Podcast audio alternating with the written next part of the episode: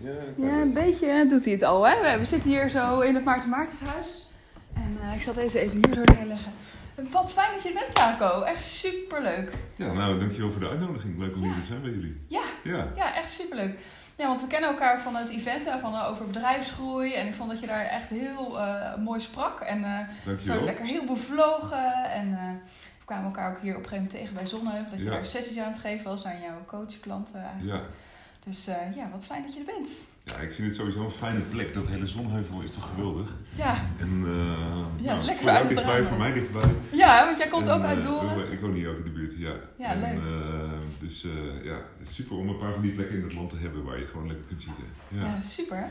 Nou, echt heel mooi. En ja, want vond het net leuk, hè? we hebben hier ook zo'n eh, massagebank staan. En jij zei van, Oh, ja.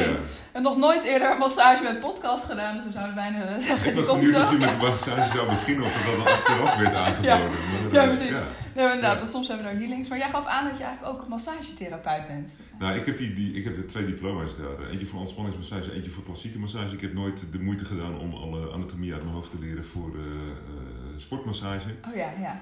Het is heel lang geleden, maar ja, ik, ik vind masseren en aanraken sowieso is heel plezierig. Ja. En eh doen we eigenlijk veel te weinig mee in onze cultuur, denk ik. Hmm. Dus eh, ja, goede Ja. dingen. Ja, mooi. Ik had dus ook een massagetafel bij mij op kantoor staan een tijd. En Oh ja? eh, dit is denk ik het eerste andere kantoor waar ik eh, datzelfde zie. Dat Oh, wat leuk. heel vaak, zeg maar. Nee, nee, precies. Wat leuk zeg. Ja, Ja, want eh, dat, dat, hè, dat massage, volgens mij ben je ook wel van de rust inbouwen, ook in je bedrijf. Misschien dat het vroeger anders was, wat je al eens aangaf. ja. Van hoe, welke ruimte maak jij daar nu voor in je bedrijf? Misschien ook voor je medewerkers. Hoe laat jij dat doorstromen? Dat soort van gevoel van rust dat massage met zich meebrengt. Poeh. Ehm, laat ik even met, bij mezelf beginnen. Kunnen we het later over mijn medewerkers hebben. Maar wat ik belangrijk vind is... Ik denk dat heel veel ondernemers dat hebben. Dat we houden van eh, knallen of stilstaan. Ja, En dan moet je uitkijken dat stilstaan niet saai wordt. Ik, Ja. ik, ik doe veel met productiviteit. En, en, en dus ik kom veel ondernemers tegen die eigenlijk geen leven meer hebben buiten hun bedrijf. ja, En als je bedrijf het meest interessante is in je leven, dan is er. Dan heeft de rest misschien wat meer aandacht nodig, even een tijdje. ja, Ehm, maar alles in balans houden is voor de meeste ondernemers niet zo plezierig. Weet Nou. je wel, als elke dag min of meer hetzelfde is qua, qua dingen die je doet en qua energie die je ervoor nodig hebt, dat, dat werkt meestal niet. Dus bijvoorbeeld, jij was bij mijn opschalen-event Ja. eh, eh, voor de zomer. ja, Ja, dan ben ik twee dagen echt knetterhard aan het werk. ja. Ik weet niet of dat duidelijk is voor mensen in de zaal, maar ik ben echt helemaal gesloopt na afloop. Hmm. En, ehm, maar dat past bij mij.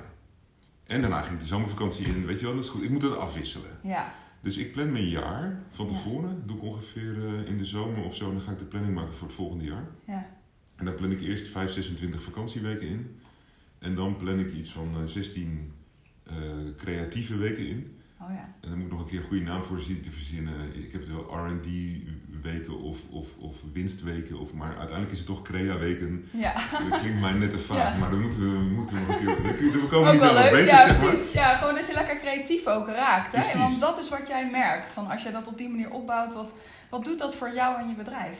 Nou, ik merk dan dat er tijd komt voor dingen die belangrijk zijn, maar waar je Mhm. anders niet zo snel aan toe komt. Ja, precies. Zoals dit is een werkweek. Dat is het, ik heb drie type weken. Vakantie, crea-week, werkweek. Dit is Ja. een week, dus hier maak ik allemaal afspraken. Ja, Maar in een crea-week, dan heb ik de hele week om aan één of twee dingen te werken. ja, En als je dat niet doet, ja, dan eh, in no time word je weggespoeld door alles wat er op je afkomt. ja, precies. Dus je kunt heel reactief kun je aan het werk zijn. Ja, Maar ja, daar- uiteindelijk word je daar niet happy van, denk ik. Uiteindelijk eh, voegt dat ook niet zoveel waarde toe. nee. E-mails beantwoorden kan bijna iedereen, weet je wel. Ja, ja, precies. Dat je daar, ja, want dat is ook hè, waar jij van bent, het delegeren. eh, Ja. Dat je dat eh, hebt ingebouwd. Want misschien is het mooi, hè, want je hebt al, ja, Taco's kan zo een mooi bedrijf nu staan, een bedrijfsgroei, delegeren, bestseller, auteur ben je ook.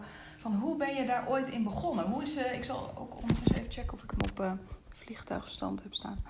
Yes, just to be sure. Ehm, hoe ben jij ooit begonnen als ondernemer? Hoe, hoe is dat avontuur eigenlijk voor jou gestart? Kun je ons daarin in meenemen? Ja, ik ben tijdens mijn studie, zoals ik denk een jaar aan het studeren, toen heb ik met een vriend van mij heb ik een eerste bedrijf eh, gestart. En toen waren we computers aan het verkopen. Oh ja. Gewoon heel basic. Niemand had nog een PC thuis, dus wij gingen die dingen verkopen. We hadden daar een speciale doelgroep. En op de een of andere manier konden we die mensen goed helpen. Maar ik heb daar eigenlijk heel weinig geld verdiend en heel veel van geleerd, zeg ik altijd. Ja, zo'n lesschool, uh, leerschool. Eigenlijk wel, ja. eh, En, en, ja. en hier hebben we denk ik nog een klein beetje geld aan overgehouden. Dus dit, dit was het nog een, een oké leerschool. Zeg maar. Ja. Ik heb daarna nog een paar leerscholen gehad die me heel veel geld gekost hebben. Deze ging dan nog wel. Ja, En toen, ben ik, eh, toen werd mijn oudste dochter geboren. Mijn vrouw die wilde stoppen met werken. Leek mij een goed idee. En eh, ik denk, nou dan moet iemand anders voor het geld gaan zorgen. Dus ik ben toen eh, gaan solliciteren op een baan bij het eh, Academisch Ziekenhuis in Utrecht. Hmm, ja. Heet nu anders, maar in mijn hoofd zal het altijd het AZU blijven. Ja. En ik ben daar ook met computers aan het werk gegaan. Systeembeheer gedaan, een beetje software gebouwd. Oh ja. En toen na twee jaar, toen dacht ik... Nee, toen was ik een- had ik een training gedaan in eh, een bepaalde vorm van software maken. Hm. Daar was eigenlijk geen training in Nederland. Het enige wat ik kon volgen was een trainde trainer. Oh ja. En daarmee wilde dat bedrijf de nieuwe trainers gaan opleiden. En ik kreeg het voor elkaar van mijn baas dat ik die trainde trainer mocht doen. Ja, leuk. En toen dacht ik, oh, maar dit wil ik eigenlijk gewoon af en toe doen. Gewoon een, eh, ik, ik, ik heb hier passie voor. Ik eh deed al een beetje lesgeven, non-profit en zo, dat vond ik wel leuk. Hm. En ehm, als ik nou gewoon drie weken in de maand bij het ASU werk en dan één weekje gewoon af en toe trainingen geef. Zo leek me een leuke combinatie. Ja. Werden zij wat minder enthousiast van. dus ehm, toen ben ik met een boekhouder gaan zitten praten en dat werd de start van mijn eerste bedrijf. En ook Oh, mijn eerste succesvolle bedrijf. Dus ik Hm. heb daar jarenlang computerprogrammeurs getraind. Hm. En ehm, heel erg met de inhoud bezig. Super leuk om te doen. Mensen Hm. mega enthousiast gemaakt. Ik was heel erg ook aan het kijken. eh, ik had een logo laten ontwerpen door een grafisch vormgever van een, een duif of een vogel. Die werd losgelaten vanuit twee handen. Oh ja. Omdat ik dacht, ja, dat is wat ik wil doen. Ik wil dat die mensen het zelf kunnen. Ja, dat was eigenlijk je drijfveer. Ik wil dat zij het gewoon echt gaan snappen. Ja. En ik wil ze op weg helpen. Maar daarna moeten ze er goed mee verder kunnen. Ja, mooi. Want ja. je kunt ook les geven terwijl je mensen vasthoudt. Ja, ja, dat ze elke keer daarin door blijven gaan. Dat ze jou eh, altijd nodig hebben. Ja, ja. En daar heb ik, dat wil ik niet. Weet Nee, dat ze juist dat mensen, dat is misschien wat je nog steeds doet dan, dat je ze eigenlijk daarin helemaal helpt en vervolgens dat zij uit kunnen vliegen. Dat vind ik het allerleukste. Hm. Ja, dat doe ik inderdaad nog steeds. Dus daar, dat was Ja. mijn eerste echte eh, bedrijf, zeg maar. Oh ja, ja, En eh, nou ja, daarna, daarna nog een stuk of zes gehad. ja. Ja. Ja, dus dat was voor jou ook mooi om elke keer dat bedrijf ook weer los te laten en iets nieuws te gaan starten. Van, eh, dat je in zo'n overgangsfase komt van dit voelt niet meer helemaal wat het was of zo. En dat je dan het nieuwe gaat starten. Ja, er is, ik heb, ehm, ook daar is het denk ik hollen of stilstaan, weet je wel? Of, of hard werken en dan hard ontspannen. hè? Ja, Zoiets. Ja, ja. Ehm, dus dat merk ik door mijn hele leven heen wel. ja. Ik heb twee keer een bedrijf verkocht. Dat was niet per se mijn eigen keuze om dat te gaan doen. De eerste keer was het omdat ik echt niet... Ik kon niet verder. Ik was zo moe. Ik heb een stofwisselingsafwijking. Daar kwam ik toen in die tijd achter. En, en eh, ehm, twee trainers die wilden dat bedrijf graag kopen. Dus dat was op zich een heel mooi moment toen. Ja. En mijn tweede bedrijf ben ik gaan verkopen omdat ik zag dat... ehm, ik gaf trainingen toen in Getting Things Done, David. Allen. En eh, hij wilde gaan eh, franchisen en ik ken mezelf. Hm. Ehm, en dan heb je dus over hoe dicht ben je bij je hart en hoe, Ja. hoe kun je daar keuzes uit maken. Ja. Ik ben geen franchise-nemer. Nou, Dat kan ik niet. En een contract met 50 pagina's, als we daarmee beginnen, dan moet ik heel hard weglopen. ja.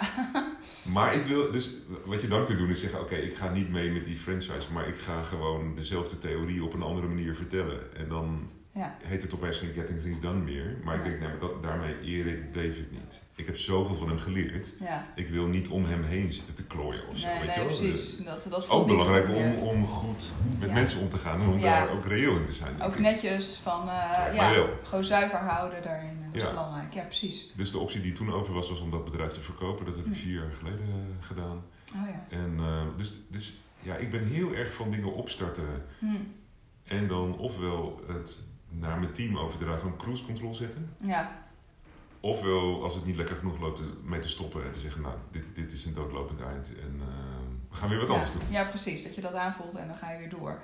Ja, ja precies. Want er zullen veel eh, ZZP'ers vooral naar de podcast eh, kijken. Ja, En ehm, nou vond ik het vanmorgen mooi, of toevallig of niet, eh, daar zag ik iemand, of Marloes uh, Homans, die gaf aan van nou, het is mooi hè, om je bedrijf al helemaal in te richten op het bedrijf waar je al naartoe wil. Ja. Hè, dat je dat nu al, dat je al je keuzes eigenlijk al vanuit dat bedrijf wat je eigenlijk wil creëren nu al dat gaat doen. eens. Ja, Ja. want wat zou je aan die, ja, aan die ondernemers mee willen geven die misschien nog, weet je wel, nu in hun eentje dingen aan het doen zijn? Hoe kun je in dit mo- moment al helemaal inspelen op je groei? Wat, wat helpt daarin? Nou, allereerst ben ik het helemaal met haar eens. Dus dat is ook hoe ik eh, kijk naar ondernemerschap. Namelijk Mhm. begin eh, met het ontwerpen van een bedrijf wat zo goed mogelijk bij jou past en bij waar je naartoe wil over vijf of tien of twintig jaar. Ja. En tegelijkertijd, het kan eigenlijk niet.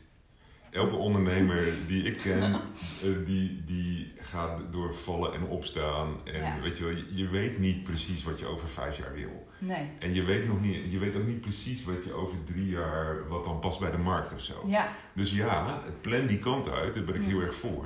Hm. Ehm, maar laten we ook realistisch zijn. Je kunt niet de toekomst helemaal dicht timmeren of zo. Nee. Je kunt het niet volledig met bepaalde systemen of iets helemaal... Of ja, je kunt wel de systemen van nu toepassen daarop, maar je weet nog niet wat er dan gaat komen. Nee, en ze hebben, ze hebben in Denemarken denk ik een mooi eh, spreekwoord. eh, eh, voorspellen is lastig. Ja. Vooral als het over de toekomst gaat. Ja. En dat is denk ik zo. Weet je wel? Ja. Weet jij hoe jouw volgende week eruit ziet? Je Eh, weet nog niet eens wat er nee. vanmiddag. Ja. Weet je wel, je, je kunt Nee, een plan klopt. hebben, maar dan nog weet je het niet echt. Ja, en dat is ook juist het leuke van ondernemen, vind ik Denk ik ergens. ook. Dat maakt het juist zo avontuurlijk of zo. Maar en toch, ja, Eens? van, ja, van hoe, hoe creëer Maar ik ga je vraag wel? Ja, beantwoorden, want anders dan, ik ik probeer me er niet makkelijk vanaf te maken. Ik, zou, ik, ben ook, ik ben helemaal zo. Dus bij mij begint het bij je profiel. Wie ben jij? En dus als het gaat over volg je hart, dan denk ik dat het daar vooral over gaat. Om jezelf helemaal uit te zoeken. Ja, En ik, ik pak dat misschien wat rationeler aan dan, dan andere mensen zouden doen. Maar ik denk het is gewoon echt de moeite waard om uit te zoeken wie ben ik. En Ja. hoe beter ik mezelf leer kennen. En dat komt door testjes, door vragenlijsten te beantwoorden, door Hm. te mijmeren, door met mensen over te praten, door aan andere mensen te vragen waar voeg ik voor jou de meeste waarde toe. Er Ja. zijn zoveel werkvormen ja, die je helpen om jezelf beter te leren kennen. Maar hoe beter je jezelf kent, hoe makkelijker het wordt om een bedrijf te bouwen waar je op lange termijn ook happy mee wordt. ja, precies. Nou, dan gaat het over ideeën en over het businessmodel. Maar wat dan volgens mij, om jouw vraag te beantwoorden, belangrijk is, is om na te denken: ehm, wat is mijn missie? Mhm. Dus wat, wat, wil ik in, wat wil ik in deze wereld verbeteren? Ik ga er even vanuit dat je missie is om iets te verbeteren, niet om het slechter te maken. Dus wat, ik, wat wil ik, als, wat wil ik verbeteren? En, ehm, en de visie is dan, hoe ziet dat er dan uit over vijf jaar? Hm, ja, En als je nou puur naar ondernemers kijkt en naar bedrijfsbouw, is het denk ik heel belangrijk om dan vanaf het begin af aan te kijken of je al een organogram kunt maken voor hoe je hele team eruit gaat zien over Ja, vijf ja. jaar. Ja, ja, precies. Ehm, als je meer over wil lezen, moet je de E-myth lezen van Michael Gerber. Of de ondernemersmythe heet het denk ik in de Mhm. vertaling. Ja, En, ehm, en dat voorkomt dat je met de mensen die toevallig op je pad komen, dat je een team gaat vormen. hm, En dat je dan gaat kijken van nou, laten we het bedrijf maar zo laten opbouwen zoals ieder, wat bij iedereen past. Maar ja, in plaats daarvan, dat wordt heel rommelig vaak, ja, ga je nadenken van nou, waar willen we over vijf jaar zijn. Ja. En als ik ZZP'er ben en ik ben in mijn eentje, mhm, dan heb ik uiteindelijk heb ik in mijn organogram heb ik misschien 15 functies staan. Ja. Nou, die zijn dan nu allemaal voor mij. ja, nu doe jij al ik die doe, functies als ik dan. alles doe, dan doe ik al die 15 dingen. Ja, best veel dan eigenlijk, hè? Van, Oh eh, man, ondernemen is, is echt, is echt bizar. ja, maar dat ja, is echt breed Ja. en veel. Ja, En zodra je een team gaat bouwen, wordt het nog drie keer zo erg. ja, ja. Ja, echt. Ja, want die hebben dat ook weer, ja, el- elke keer breidt dat natuurlijk uit. Want Want je, ik bedoel, je hebt een bedrijf, maar waar heb je leren leiding geven? ja, in het bedrijf. Niet op school of nee, zo. zeker niet. Nee. En, en, niet, en niemand leert leiding geven op, nee, op een vervolgopleiding. nee, Ik bijna niemand. nee. Dus leiding geven en ondernemen Ja. idem dito. Hoe, Ja. hoe, hoe maak je nou iets wat zo waardevol is dat andere mensen er geld voor willen betalen? En Ja. hoe communiceer je dat dan? En hoe, doe, hoe, doe al die dingen leer je niet. Nee. Dan moet je al- dus dan ga je allemaal in de praktijk leren. Ja. En dus gun jezelf eigenlijk ook die leerschool. Want ik denk dat veel mensen Oh, soms ja, denken van... ja. Oh jee, nu maak ik fouten. Moet ik wel doorgaan met mijn bedrijf? Maar eh, Ik maak aan de lopende fouten. ja, ja, ja, dat wat- kan niet anders. precies. Ja, wat, wat is misschien wel de, de beste fout die je ooit hebt gemaakt in jouw bedrijven? Ik heb heel veel beste fouten. Maar degene die, die me nu te binnen schiet is... ehm, ik ben op een gegeven moment in dat eh, bedrijf waar ik computerprogrammeurs trainde... ben ik met, een- eh, met een team gaan werken. Ja, En dat begon met eh, iemand die freelance voor me kwam werken. Hm. En later mensen in dienst en gewoon een volwaardig team. ja, En ik denk dus de fout die ik heb gemaakt is, is, is best wel arrogant. Maar denken dat ik daar niet zoveel meer over te leren heb. Over hoe je een team aanstuurt. oh ja, ja. Dat je het op een gegeven moment al weet of zo. Dat Ja, je, en ik had ook Ja. best wel wat leiding gegeven. Hm. al- Buiten, eh, zeg maar allemaal non-profit initiatieven die ik gedaan had. Dus Ja, ehm, het was niet dat ik niks wist over leiding geven. Maar eh, dat werkt toch echt anders in een bedrijf. Waar je wil dat er effectief gewerkt wordt. Dat de productie gedraaid wordt. Dat ja. de klanten goed geholpen worden. En het eind van het liedje is dat ik dan altijd weer zat over te werken of in het weekend dingen zat op te lossen of zo. ja, En waarom dat misschien wel mijn beste fout was, was omdat ik daardoor, maar dat was pas nadat ik het bedrijf verkocht had, Hm. dat ik terugkeek en dacht van als ik weer een bedrijf begin, was ik niet eens van plan. Wist ik, wilde wel weer een nieuw bedrijf beginnen, maar niet per se met een team. Zo gefrustreerd was ik, denk ik. Maar dat ik dacht, oh ja, als ik, als ik nu opnieuw een team ga bouwen, dan moet ik dit echt gaan leren. Hm. Ja, dat je het echt gaat En dat heb ik gedaan en dat heeft me heel veel opgeleverd. Ja, ja want wat, wat heb je toen daarna juist geleerd wat je enorm heeft geholpen daarna? Ja, ik ben toen echt op zoek gegaan. Met, mijn eerste uitgangspunt werd bij het volgende serieuze bedrijf wat ik startte. Dat was uh, Meer Effect. En toen dacht ik, Mhm. nou, ik moet zorgen dat ik uit eh, dit bedrijf weg kan. Ja. Of Oh, dat ja. ik uit alle kritieke paden weg ben. Als je het even als projectmanagement bekijkt. Hm. Dus het bedrijf zou moeten kunnen draaien, het team zou moeten kunnen draaien zonder mij. Ja. En daar ben ik enorm in gaan zitten studeren en zoeken en leren en kijken wat er dan allemaal wel en niet kan en welke technieken wel en niet werken. Ik ben heel erg van Mhm. technieken en, en tips en life hacks. En Precies. Dus eh, daar heb ik een heleboel over uitproberen en eh, lopen puzzelen. En dat is heel goed gaan werken. Ja. ja, precies. Dus dat is eigenlijk wel een soort van sleutel. Want jij werkt veel met sleutels, ook eh, in bedrijfsgroei. Van Ja, Een hele belangrijke sleutel is dus eigenlijk je bedrijf eigenlijk. Hè, ehm, dat het helemaal op zichzelf kan draaien zonder jou. Dat is voor jou iets wat... voor mij heel vanzelfsprekend geworden. Maar Ja. ik denk dat heel veel ZZP'ers die beginnen natuurlijk als professional. Ja, En die Meer zeggen dan, inhoudelijk ik- eigenlijk, ja, ja. ik heb gewoon mijn vak. Ik ben eh, Ja. architect of ik ben coach of ik ben eh, whatever. ja. En ik wil dat niet meer voor een baas doen. Ik wil nu voor mezelf beginnen. Hm. En dan begin ik mijn eerste bedrijf. Hm. En ehm, ik denk dat dat nog, nog niet ondernemerschap is. Hm, ja. En Nee, dat is vloek in de kerk natuurlijk. En dat vind ik dan maar jammer. Maar ik denk dat, weet je wel, als je een verschil gaat maken tussen ondernemers en ZZP'ers, dan krijg je half Nederland over je. In ieder geval Ja. de ZZP'ers. Maar ik Ja. denk dat het, het gaat nog niet eens om het aantal mensen wat in je bedrijf werkt. Het gaat Nee. om je houding. ja. Dus ik denk dat je mentale houding als ondernemer zou moeten zijn: ik maak iets Mhm. wat daarna kan draaien zonder mij. Ja, dat dat je instelling eigenlijk is bij de dingen die je doet. Dat, je, dat is het echte ondernemen. En ja. dan ben je dus niet meer de professional. Ja, ja, Misschien ook nog, ja. maar dan is dat niet meer het enige waar je je geld mee verdient. Eigenlijk scheid je een beetje de werknemer en de werkgever, die haal je uit elkaar. En je stapt zelf ook meer in die leidersrol, in die werkgeversrol eigenlijk iets meer. ja of, je, of je haalt de inhoudelijke rol en de ondernemersrol uit elkaar. Ja, Dus ehm, een vriendje van mij die ik sprak, eh, die zei: eh, Ja, Taco, eh, ik heb eigenlijk wel meer klanten nodig, maar ik ga natuurlijk geen marketing doen, want ik ben ondernemer. Dus dan wil ik daar mijn tijd en energie in steken. ja, Ik zeg: Huh? ja, Je bent ondernemer, dus je wil je tijd en energie in je vak steken. Dat zegt hij dan. Ja. En, en dat snap ik heel goed. ja. Maar juist de ondernemer. Hm. Kijk, in de basis is de ondernemer degene die eh, resources Mhm. pakt. Weet ik veel, 100 euro aan resources. ja. En die daar iets mee doet waardoor het meer waard wordt. ja. Die vermeerdert de waarde Die van, vermeerdert wat waarde. Waardevermeerders zijn Ja. eigenlijk. Ja, precies. En dat kan, eh, dat kan in tijd zijn, het kan in, gel- eh, in, in geld zijn, het kan Mhm. in, eh, in, in, in spullen zijn, het kan in van alles, inzichten, het kan Ja. alles en nog wat zijn. Ja, precies. Maar we zijn waardevermeerders. Ja, inderdaad. Ja, mooi. En, eh, en die rol, zeg maar, is voor een, wat we gemiddeld een ondernemer noemen, dat is denk ik een professional, Ja. die dan op een gegeven moment wel of niet een team erbij krijgt, Mhm. Maar die dan in de professional rol blijft hangen Ja, en vergeet dat die ondernemersrol er eigenlijk bij hoort. precies. Ja. En ik ben de eerste die in al die valkuilen is gestapt. Ja, weet je wat goed. Dat- ja, maar echt. ja, precies. Maar zo is denk ik ook hoe je, hoe je in die groei kunt stappen. Dat je juist durft al die fouten aan te gaan en het gewoon doet. En vervolgens juist maar ook ervan leert en dat die, die lessen helemaal toepast in wat je daarna doet. Ja, fouten maken en er niet van leren, dat is echt heel zonde. Dat is de echte fout. En ook dat heb ik gedaan. Ja, ja. Heerlijk. Maar, dat is echt Mooi, lekker die eerlijkheid. Ja, maar dat is gewoon echt jammer. Ja, ja, precies. Dat is zonde. Maar ja, en, en tegelijkertijd is het heel menselijk. Dus dat Tuurlijk. is... eh, Tuurlijk, ja. Ja, ja precies. En, en misschien een vraag van, eh, even eh, vanuit die ZZP'er. Stel dat je dat wil doen. Je voelt van, ah, maar ik wil in die ondernemersrol stappen. Ik wil eigenlijk al dat team gaan bouwen en mezelf, dat ik veel meer in die, onder, ja, die leidinggevende rol stap. En je hebt als ZZP'er niet altijd nog dat investeringspotje om dat allemaal te doen. Ja. Hoe kun je nou wel die overstap maken eh, en al helemaal daarin stappen ehm, zonder dat je nog dat enorme potje daarvoor al hebt misschien? ja, allereerst beginnen denk ik op papier. Met nadenken Ja. doe je op papier. Ja. Dus nadenken in je hoofd is niet echt nadenken. Mhm. Dus als je over dit soort dingen gaat nadenken, je gaat zo'n organogram maken, je gaat kijken waar willen we naartoe, of hoe moet het eruit zien zometeen. Hoe kan ik dit bedrijf zo bouwen dat ik er blij van word, dat bij mij past, dat ik mijn klanten levensgelukkig maak. Hmm, En ja. dat ik niet meer nodig ben zometeen. Dat ik een zelfdraaiend motortje heb gebouwd. Ja, Ehm, dus dat kun je allemaal op papier doen, kun je allemaal in je hoofd doen, heb je nog geen geld voor nodig. Ja. Het is vooral een mentale Precies. switch die je omzet dan. ja, Maar vervolgens ga je kijken, hé, hey, waar ben ik nou tijd kwijt aan dingen waar ik echt een hekel aan heb? ja, Die me energie kosten in plaats van dat ze me energie opleveren. Dus die tegen mijn persoonlijkheid ingaan. Dus dan zijn we weer terug bij profile, bij je persoonlijkheid, wie ben ik?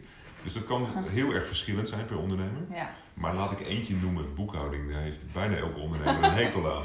Dus dat is een mooi voorbeeld.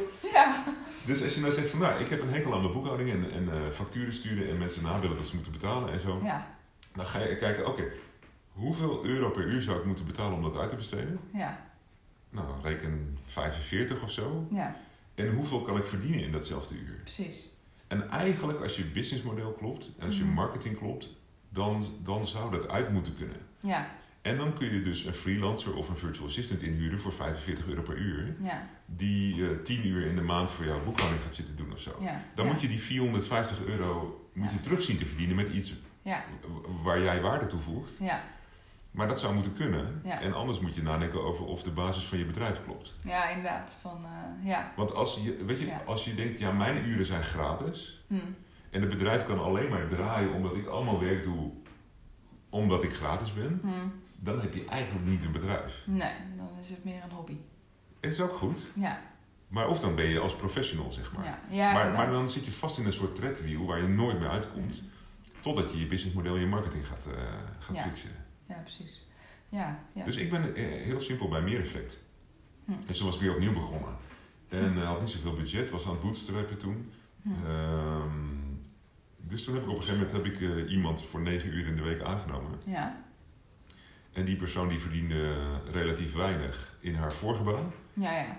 En, eh, en daardoor kon ik met twee, drie uur freelance werk doen, kon ik haar negen uur betalen. Ja, precies.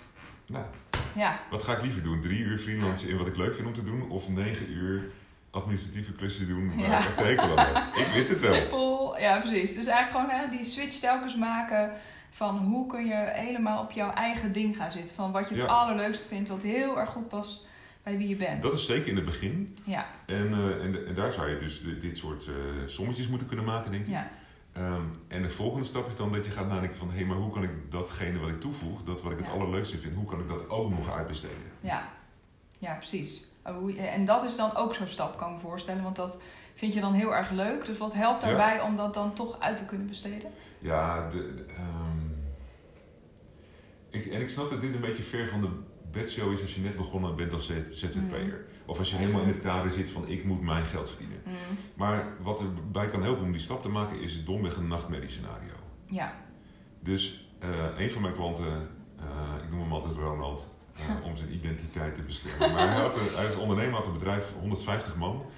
Hij had bij ons een programma gedaan en daarin hadden we hem geleerd om veel meer te delegeren. Hij was heel fanatiek mee aan de gang gegaan. ja. En op een gegeven moment, de dag voor zijn zomervakantie, ja. eh, viel hij om Oh ja, op kantoor, vrijdagmiddag, lag op de grond, Mm, lang uit. ambulance erbij, naar het ziekenhuis. In no time lag hij op de intensive care. Mm, Drie weken later zei zijn dokter dat hij een kwartier iemand van kantoor mocht laten komen. Zo. Hoofdzuster stond volgens mij in de hoek met zo'n stoppertje om te kijken dat het niet langer werd dan een kwartier. Jeetje. Ja, wat kun je doen in een kwartier? Ja, Weet je, 150 man. Hij geeft leiding aan het hele bedrijf. En na drie, hij is drie weken Oh. weg.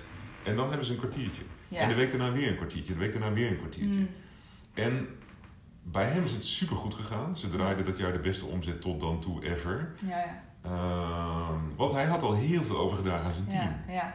Hij had zelfs wachtwoorden ingeleverd bij zijn Oh secretaresse. ja, ja, van hier. Zo, ik, wil, ik wil niet eens meer in dit systeem kunnen. Als ik Nee. een vraag heb over iets, Ja. dan, dan wil ik het jou vragen en dan zoek jij. Weet je wel? Ja. Dus hij was heel fanatiek geweest. Hm. Maar hij is niet de enige. Ik had er bij opschalen, liep een dame rond met een verzekeringskantoor met zes mensen of zo. Hm. En die vertelde ook dat ze had een, eh, een ski-ongeluk gehad. Oh ja, ja. Drie maanden thuis op de bank. Ja, Kon niet naar kantoor toe. nou, Weet je, dus precies. het punt is, als je, of je moet je supergoed verzekeren voor dat soort situaties. Ja, Of je komt in een situatie dat als jij de enige bent die het geld binnenbrengt, dat je dan Ja. dus in de problemen komt. ja, precies. En voor de helderheid, ik ben nog niet zo ver in mijn Mhm. bedrijf nu. Ik ben drie jaar geleden weer opnieuw begonnen. Mhm. Ik had eigenlijk gehoopt dat ik na drie jaar de boel weer helemaal op cruise control had staan. Oh ja, ja, ja. Want ik weet hoe dat werkt. Ik had het bij meer effect, dat was helemaal top. Ja, Eh, ik ben nog niet helemaal zo ver bij delegeren. bijna. En bij Mm. bedrijfsgroei duurt het denk ik nog eventjes. Ja. Maar dat is wel steeds de visie, is wel steeds Ja. het doel. ja, precies. Dat is ook jouw drive eigenlijk daarin om daar naartoe te werken. Ja, ik denk dat dat goed is voor mijn team. ja, Ik denk dat het goed is voor mijn klanten. Ik denk dat het Ja. goed is voor mijn gezin. ja, Weet je wel, als papa opeens Mooi. ziek is en al het geld is, het droogt op. ja. Weet je, en, wat- en wat moeten mijn teamleden dan gaan doen? Hmm, ja. Dat schiet ook niet op. Nee, nee, ja. Ehm, Het helpt iedereen eigenlijk te groeien en eigenlijk bij datgene te blijven wat heel goed bij hen past en, en hun missie te doen. eh. Denk ik wel. En dat is het lekkere van het werken met freelancers in je team. Dan je hebt niet, ik heb tenminste niet iemand fulltime nodig om, om eh, debiteuren na te bellen. Nee, Maar Andrea doet dat bij ons in het team. En eh, weet ik veel, zij is een uur, twee uur. Ik, ze ge- ik geef geen leiding meer aan haar. Er zit, er zit Ja. Marleen tussen. Dus ik weet niet precies. Maar iemand weet dat. ja, ja, maar ja, zij daar niet ja. 40 uur per week mee bezig. Nee, precies. Dat is maar zij, weet je, de, de boekhouding bijwerken past echt bij haar. Ja, Zij vindt dat echt, echt, echt leuk om te doen. ja, Dus als ik allemaal mensen in mijn team verzamel, ja. die misschien niet 40 uur, maar dan 10 uur per week hebben of zo. Ja, En in die tijd precies doen wat echt bij hen past, ja, iedereen Ja. blij. ja, precies. Dus dat is echt leuk om daarnaar te toe te werken ook eigenlijk. Dat, voelt heel fijn om Ja, dat zo vind te ik doen. wel.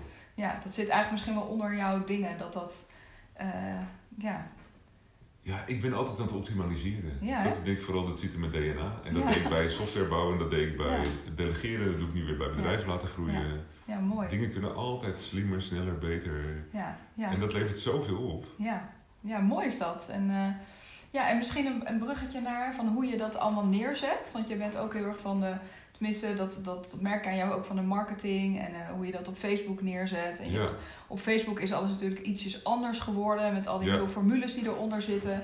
En eh, wat voel jij daarin waar dat naartoe gaat en hoe, ja, wat is daarin mogelijk om daar nog meer op in te spelen? En dan heb je het echt over marketing of wil je het over de komende jaren hebben? Nou, ehm, misschien wel de komende jaren is dat ook wel heel interessant. Ja, dat is Nou, de komende wel- jaren wordt het nog wel een beetje lastig, denk ik, voor ondernemers. Hm. Want wat je ziet is dat er wereldwijd is er een trend gaande. En we weten niet wat er politiek allemaal gaat gebeuren Mhm. en zo. Maar in principe is er een trend gaande waarbij de markten steeds opener worden. Dat is Ja. de afgelopen decennia gebeurd. Dus dat betekent dat je concurreert opeens als grafisch vormgever met iemand in Bangladesh Ja. of in de Filipijnen. Hm. Ehm, dat is interessant. Dus dat betekent dat je eigenlijk veel creatiever moet gaan worden in, je, in het, het, het neerzetten van je dienst of je product. Je kunt niet meer alleen maar zeggen van ik, ik lever schoenen. Ja. En, en, en met dat ik die schoenen verkoop, daar kan ik een winkel mee betalen, kan ik personeel mee betalen, kan ik marketing, kan ik alles. Dat, en er zijn een paar die dat nog kunnen. Hè? Ja. Maar hoe meer mensen via internet schoenen gaan kopen, hoe lastiger dat wordt. Ja. En dat geldt overal, denk ik. Dus dat is het Mhm. lastige. Ja. Verder zijn er onwijs veel technische ontwikkelingen aan de gang Mhm. waar we eigenlijk nog geen idee van hebben. Dus het is echt een- zo'n enorme curve omhoog. Ja. Medisch, ehm, biologisch, biochemisch, Mhm. ehm, maar op het gebied van IT en artificial intelligence en noem alles maar op. Dus, Ja. de- dus we hebben geen idee ook wat dat met de arbeidsmarkt gaat doen. Nee. Het zou heel goed kunnen zijn dat eh, dat weer voor allerlei nieuwe banen gaat zorgen. Mhm. Bijvoorbeeld masseren, dat Ja. laat je niet een robot doen. Nee. Alle healing en... eh, Weet je wel, dus daar, daar zul je toch iemand nodig hebben met de handen en Ja. met, met, eh, met, met een persoonlijke aanwezigheid. Ja. Ehm, maar neem boekhouding, Ja. weet je wel. Dus ik heb nou een accountant en ik heb nou mensen voor die in mijn team. Maar op het moment dat dat allemaal ploep, opeens automatisch zou gaan, Ja. zou ik geen traan om laten. Nee. Nee. Weet je, Ja. terwijl het leuke mensen zijn, maar dus we weten niet hoe het die kant uit gaat. Mhm. En wat je verder ziet, is dat je dus in een, in een situatie terechtkomt dat de winner takes all noemden ze dat. Hm. Dus we hebben Facebook, maar er is eigenlijk niet een nummer twee social netwerk. Ja. Totdat Instagram kwam Mhm. En overgenomen werd door Facebook. Want Ja. die hadden het geld om dat te doen. Dus eigenlijk qua so- social netwerken, Ja. weet je, Hives is er niet meer, MySpace is er Nee. niet meer, Google Plus is nooit wat geworden. Nee. Dus, dus je hebt er eigenlijk twee nu die eigendom Ja. zijn van hetzelfde bedrijf. Ja. Nou, aan de zakelijke kant heb je datzelfde met LinkedIn. Er is Mhm. eigenlijk niet echt een tweede LinkedIn. Nee. Ehm, korte berichtjes heb je Twitter. Ja. Eh, en dan Google. Wie gebruikt DuckDuckGo? Ja. Steek even je vinger op als je DuckDuckGo Weet je wel? Ja. dus is Google, Google en Google. Ja, ja, dus er zijn echt best wel van die marktleiders daarin. En het is belangrijk om daar lekker eh, ja, je in te verdiepen voor Nou, de komende jaren. Juist. Nou, maar de, de grote vraag is ook, wat gaat er dan in jouw Ja. markt gebeuren? Precies, ja. In de, ook bij de Dus we hebben in Nederland hebben we 180.000 coaches Ja. of zo. Ja, En eh, op het moment dat... wa- Waar gaat die markt dan heen? precies, ja. Gaat zich dat ook verder consolideren? Ja. Gaat dat ook steeds professioneler worden? Hm. Ik je hebt dat in die webwereld, eh, webwinkelwereld. Ja, Heb je natuurlijk dat tien jaar geleden begon je een webwinkel, was je de eerste fantastisch, eh, geweldig omzet kwam binnenlopen. Ja, Het zal niet zo simpel zijn, maar weet je wel, die kant uit. ja, Ondertussen concurreer je tegen Coolblue, Bol.com Ja. en zometeen Amazon. Ja. Dus dat spelletje wordt steeds serieuzer. Ja, Niet alleen maar in de uitvoering, maar ook in de marketing. ja, Dus een, als je in een, eh, weet ik, noem eens een plaats, Amstelveen of zo, heb je, heb je twintig coaches die allemaal hetzelfde doen. ja. Wie gaat dat spelletje winnen? Is dat Ja. de coach die het het beste doet? Hm, Of de coach die zijn marketing het beste voor elkaar heeft? hm. Ja, En ik zeg niet dat dat goed is, mhm. maar ik denk dat het laatste ja, aan de hand is. ja, precies. Dus ik Ja. denk dat degene die de beste marketing doet, de meeste klanten krijgt en de andere coachingspraktijken gaat overnemen of zo. Weet ik veel hoe dat Ja. werkt. Maar, ehm, dus je moet wel een beetje in de werkelijke wereld meekijken. Ja, Want ik kan het anders willen, maar, maar die klanten moeten uiteindelijk de rekening betalen. ja, precies. Het is ook een beetje het verzet tegen hoe dat gaat, loslaten. En gewoon juist daarop inspelen en heel erg daarin meegaan. En eh, kijken hoe je heel mooi op die marketing, die nieuwe marketing eigenlijk in kan gaan. Voel je daar ook een nieuw, nieuw soort vorm in? Want dan nu heb je heel vaak nog wat bijna link heeft met het reptiele brein. Weet je wel, eh, tot dan en dan, binnen één minuut moet je nog reageren, anders dan. En wat ik proef onder veel mensen, dat ze daar een beetje klaar mee zijn. Dat Ja. het tijd is voor een nieuw soort vorm. Maar ja, weet je wel, je hebt dat reptiele brein is er nog, maar er is ook een soort van nieuwe trend daarin gaande. Wat, wat, wat proef jij daarin? Wat voel jij wat daarin een nieuw soort manier kan zijn van marketing? Nou, ik denk dat je sowieso altijd verschillende soorten marketing naast elkaar hebt. Ja, Dus ik heb heel veel gedaan met het adverteren op Google. Google Ads heet dat tegenwoordig. ja, En daar is het heel erg, iemand tikt een zoekwoord in en dan wil je advertentie laten zien en dan wil je dat iemand een volgende stap zet. ja, Maar op het moment dat je iets verkoopt waar mensen niet naar op zoek zijn, ja, dan werkt dat niet. Hm. Dan zijn social media heel handig. hm, Eh, dus Facebook werkt daar bijvoorbeeld heel goed in. ja, Eh, of Instagram werkt daar langzamerhand eh, steeds beter in. Ehm, dus, dus, maar, dat, maar dat wil niet zeggen dat het adverteren op Google nu weg is of zo. nee, De- die, die nieuwe vorm komt erbij. Zeg Ja. maar. En ik heb best wel moeite gehad met de overstap van Google Ads naar Facebook, omdat het opeens veel persoonlijker werd, of eigenlijk Ja, so- sociaal ja. werd. Ja. En ehm, ik denk dat ik redelijk sociaal ben ingesteld, maar ik was gewend om heel zakelijk en inhoudelijk te communiceren. ja, En die overstap naar, ja, ik zit zo meteen zit ik met een vriendin te lunchen. Ja, En zitten we elkaar, met elkaar te sparren over elkaars bedrijven. Maar wij grappen echt wel, wij gaan niet zitten met zo'n camera. Nee, ja, ja, dan- ja. Oh, nou moet je hondje erop, want dan... eh, je, Ja, dit hebben we gegeten eh, en ik, eh, ik, ja. ik, ik vind dat moeilijk. Ja, ja, ja, dat is heel anders dan in één Dat is heel anders ja. dan zeggen, oké, je hebt tips nodig op een bepaald gebied en ik kan je Ja. heel goed helpen, weet je wel. Ja. Dus, maar wat er wel gaat gebeuren, denk ik, Hm, is dat we langzamerhand steeds meer in de wereld komen dat het gaat over contact met mensen. ja, En dat is misschien Mhm. in jouw vak en in mijn vak meer dan Ja. wanneer je schoenen verkoopt op internet. ja, Of wanneer je eh, staattafels of bureaus of weet ik veel wat doet. Hm.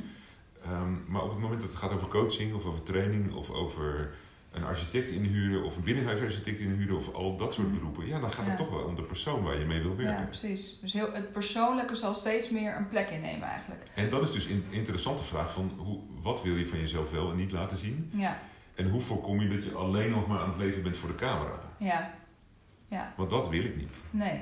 Hoe vind je daar die balans in eigenlijk? Hè? Waar, eh, in het begin waar we het over hadden, van dat je ook naar die rust toe kan gaan, maar dat je wel die persoonlijke marketing kan doen. Van Precies. hoe kun je daar die balans in vinden? Precies, dus voor, voor Ja. je weet loop je alleen nog maar naar je telefoon te kijken. hè? Ja, Dat, Ja. dat lijkt me echt een nachtmerrie.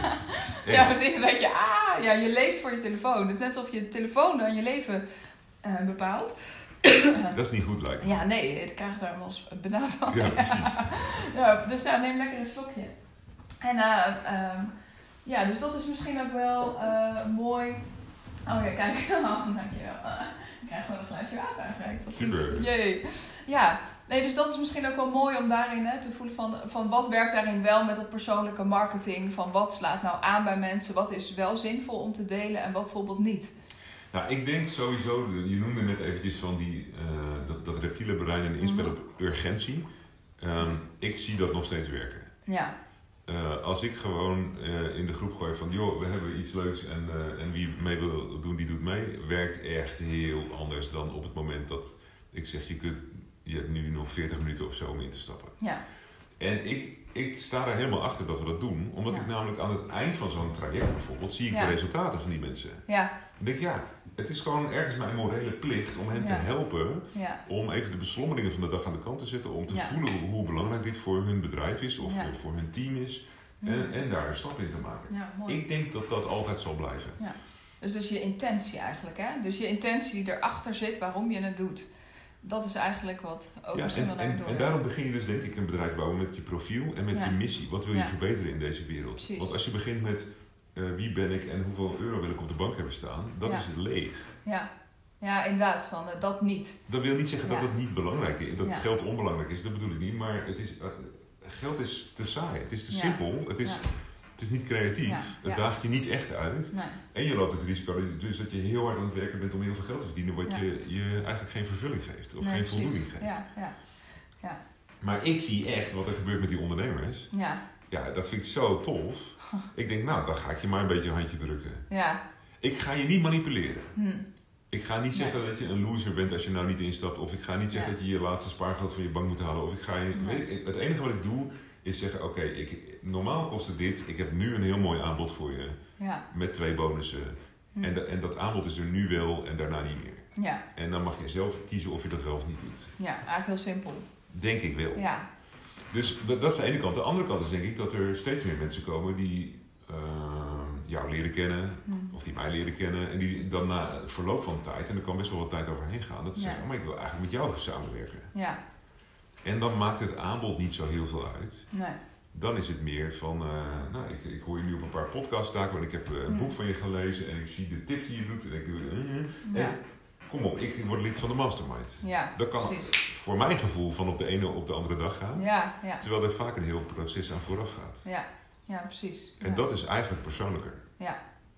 Ja, om dat zo te doen. Ja, dat hele persoonlijke is daarin fijn. Dat komt dan weer terug eigenlijk van... Ja, wat, wa- Ja. waarbij het niet wil zeggen dat ik dan...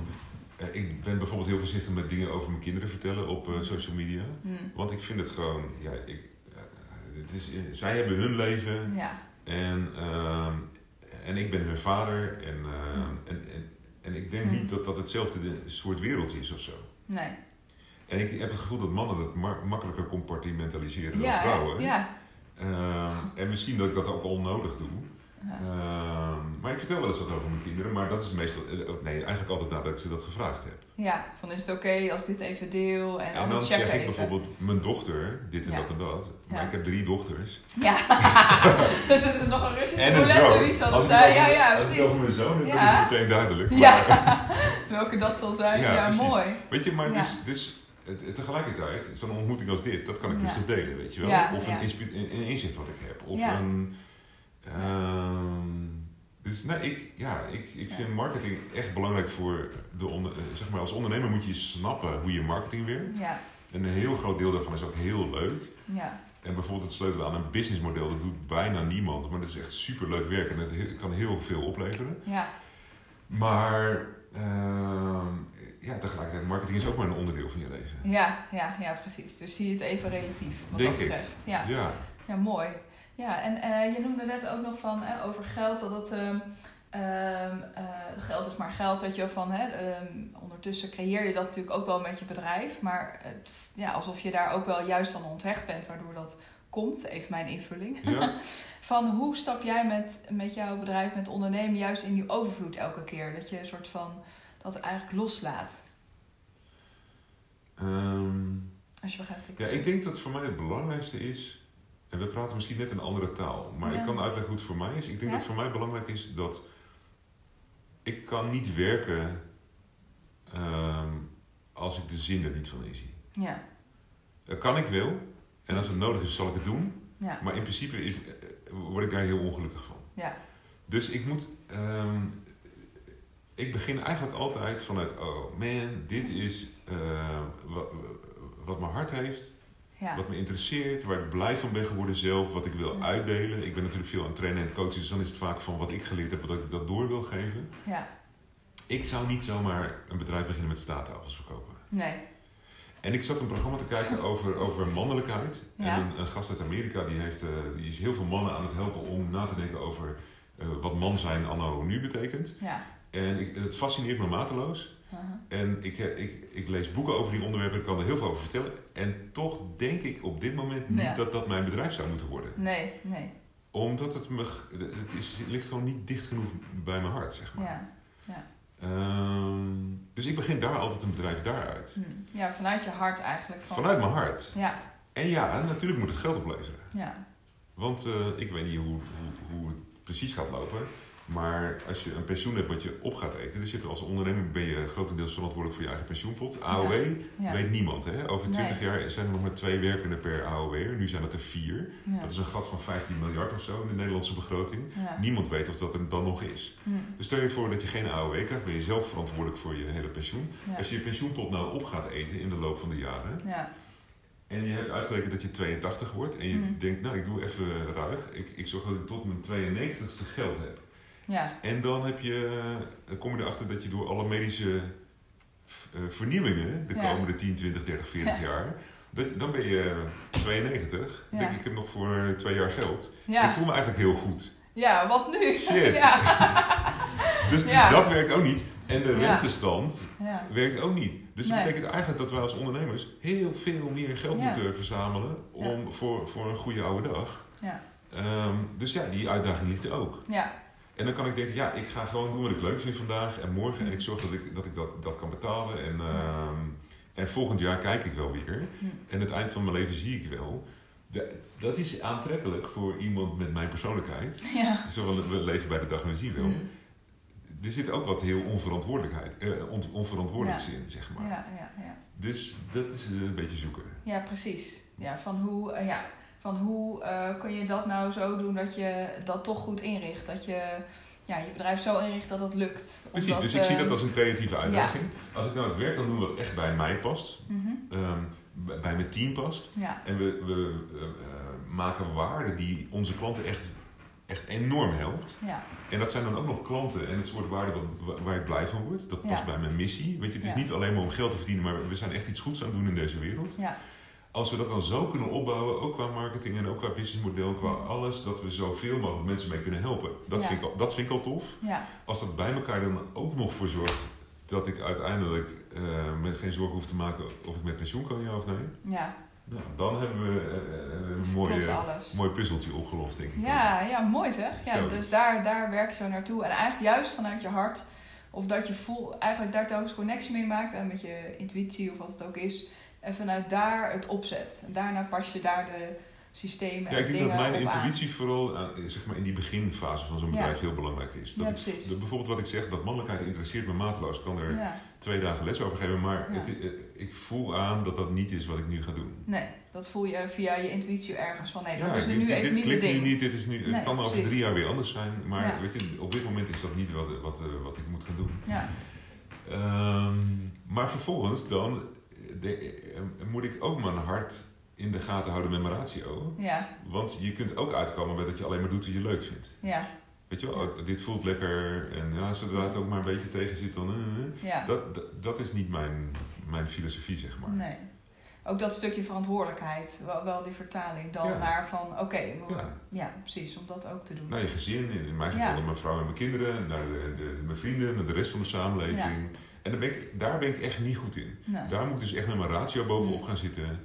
Om Ja. te zorgen, Oosterkamp, er moeten ook eh, eh, meters gemaakt worden. Ja, Ehm, en hoe organiseer je dat dan? Dat het vanuit je ratio ga je dat om je heen organiseren dat het toch lukt? ja, dat is een heel verhaal, maar dan kom je Oh, eigenlijk ja. In, in van hoe haal je met een team doelen. Ja, oké. Daar gebruiken wij OKR's voor. En Ja, dan ga je dus inderdaad naar je businessmodel en je marketing kijken. En kijken of dingen wel of niet lopen. En naar de cashflow en naar je eh, cashflowbegroting. En naar, dan, Ja. krijg, dan krijg je echt het heel zakelijke deel, zeg maar. Ja, precies. En ik probeer dat zo klein mogelijk te maken in mijn leven. Ja. Maar het wel goed en solide te doen. Ja, mooi. Hm. Dus we houden bijvoorbeeld al jaren een dashboard bij. eh, Bij Merenvek deden we dat al. Dus dat is vanaf 2015, nou misschien iets later, 2016 of zo. Ja, 2006 bedoel ik, sorry. Dus ik heb denk ik Ja. al ruim 10 jaar aan dashboardgegevens. ja, ja precies. Ja, dat is niet wat ik leuk vind om te doen. Past Ja. niet bij mijn persoonlijkheid, past niet bij mijn hartcijfers, Ja. overtikken. Maar ik weet dat het moet gebeuren. Ja, het werkt wel. Het, want, want ik heb die informatie nodig op het moment dat het niet loopt. Of dat het misgaat. Of ik moet, Precies. moet kijken of alles op orde loopt, ja of nee. Ja. Nou, ik denk dat in een gemiddeld bedrijf zijn er, weet ik veel, 80, 90 procent of zo van al het werk wat er in een bedrijf moet gebeuren, past niet bij mijn persoonlijkheid.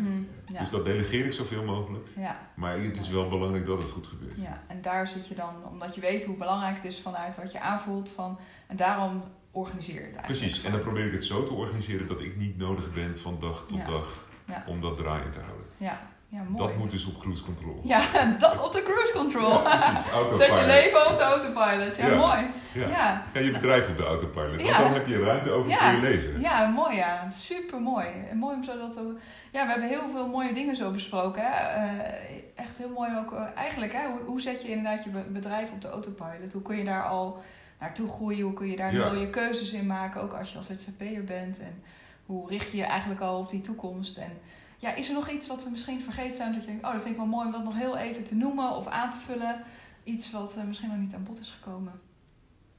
Schiet mij niet meteen. Nee? Nee, dat is helemaal goed. Nee, ik kwam hier naartoe en ik dacht, ik ben heel benieuwd hoe wij dit gesprek gaan Ja. eh. Want, eh, Ja. want wat ik bij heel veel ondernemers zie, Ja, is dat ik denk dat ze dus veel te veel op hun intuïtie doen. ja, ja. Dat en eigenlijk te weinig nadenken. Ja, En, eh, maar daar hebben we toch wel keurig omheen gekletst. Ja. gesprek. Ja, maar ik vind het juist een mooie boodschap. Ik bedoel, daarom, daarom dacht ik juist van het is goed om met jou eh, het gesprek te doen. ja. Omdat ik zelf ook merk, het is en-en. Het is Ja, niet het ene eens. of het andere. ja, Daarom werk ik ook bijvoorbeeld heel graag met Peter samen. Wij Ja. vertegenwoordigen een beetje allebei die kanten. Weet je wel, het vrouwelijk vanuit het intuïtief, maar ook het, ja, het mannelijke vanuit de strategie. Eh, weet je wel, het is en-en. ja, En ik vind het juist ook belangrijk voor, juist als je intuïtief bent, kun je ook heel erg houvast hebben aan die dingen eh, vanuit je ratio. Het is goed om dat ook, ook in te richten en daar die verantwoordelijkheid in te pakken. ja, denk ik ook. Eh, dat kan juist helpen om meer ruimte te geven aan de Precies, intuïtie. omdat de dingen die geregeld moeten zijn, die zijn dan geregeld. Ja. En dat, dan hoef je daar geen zorgen meer over te maken. ja. Nee, helemaal eens. Ja. Ja, dus ik vind het Leuk. juist fijn dat je dat hebt Mooi. gedeeld. Dus enorm bedankt. Graag gedaan. En eh, nou, heel veel succes met jouw bedrijven. En eh, nou, je doet het geweldig en eh blijf je volgen. En Dankjewel. als mensen meer over jou willen weten, waar kunnen ze dan terecht? Ja, bedrijfsgroei.nl is denk ik de makkelijkste plek. Ja, dus bedrijfsgroei.nl. Yes. Ja, kunnen ze jou helemaal vinden.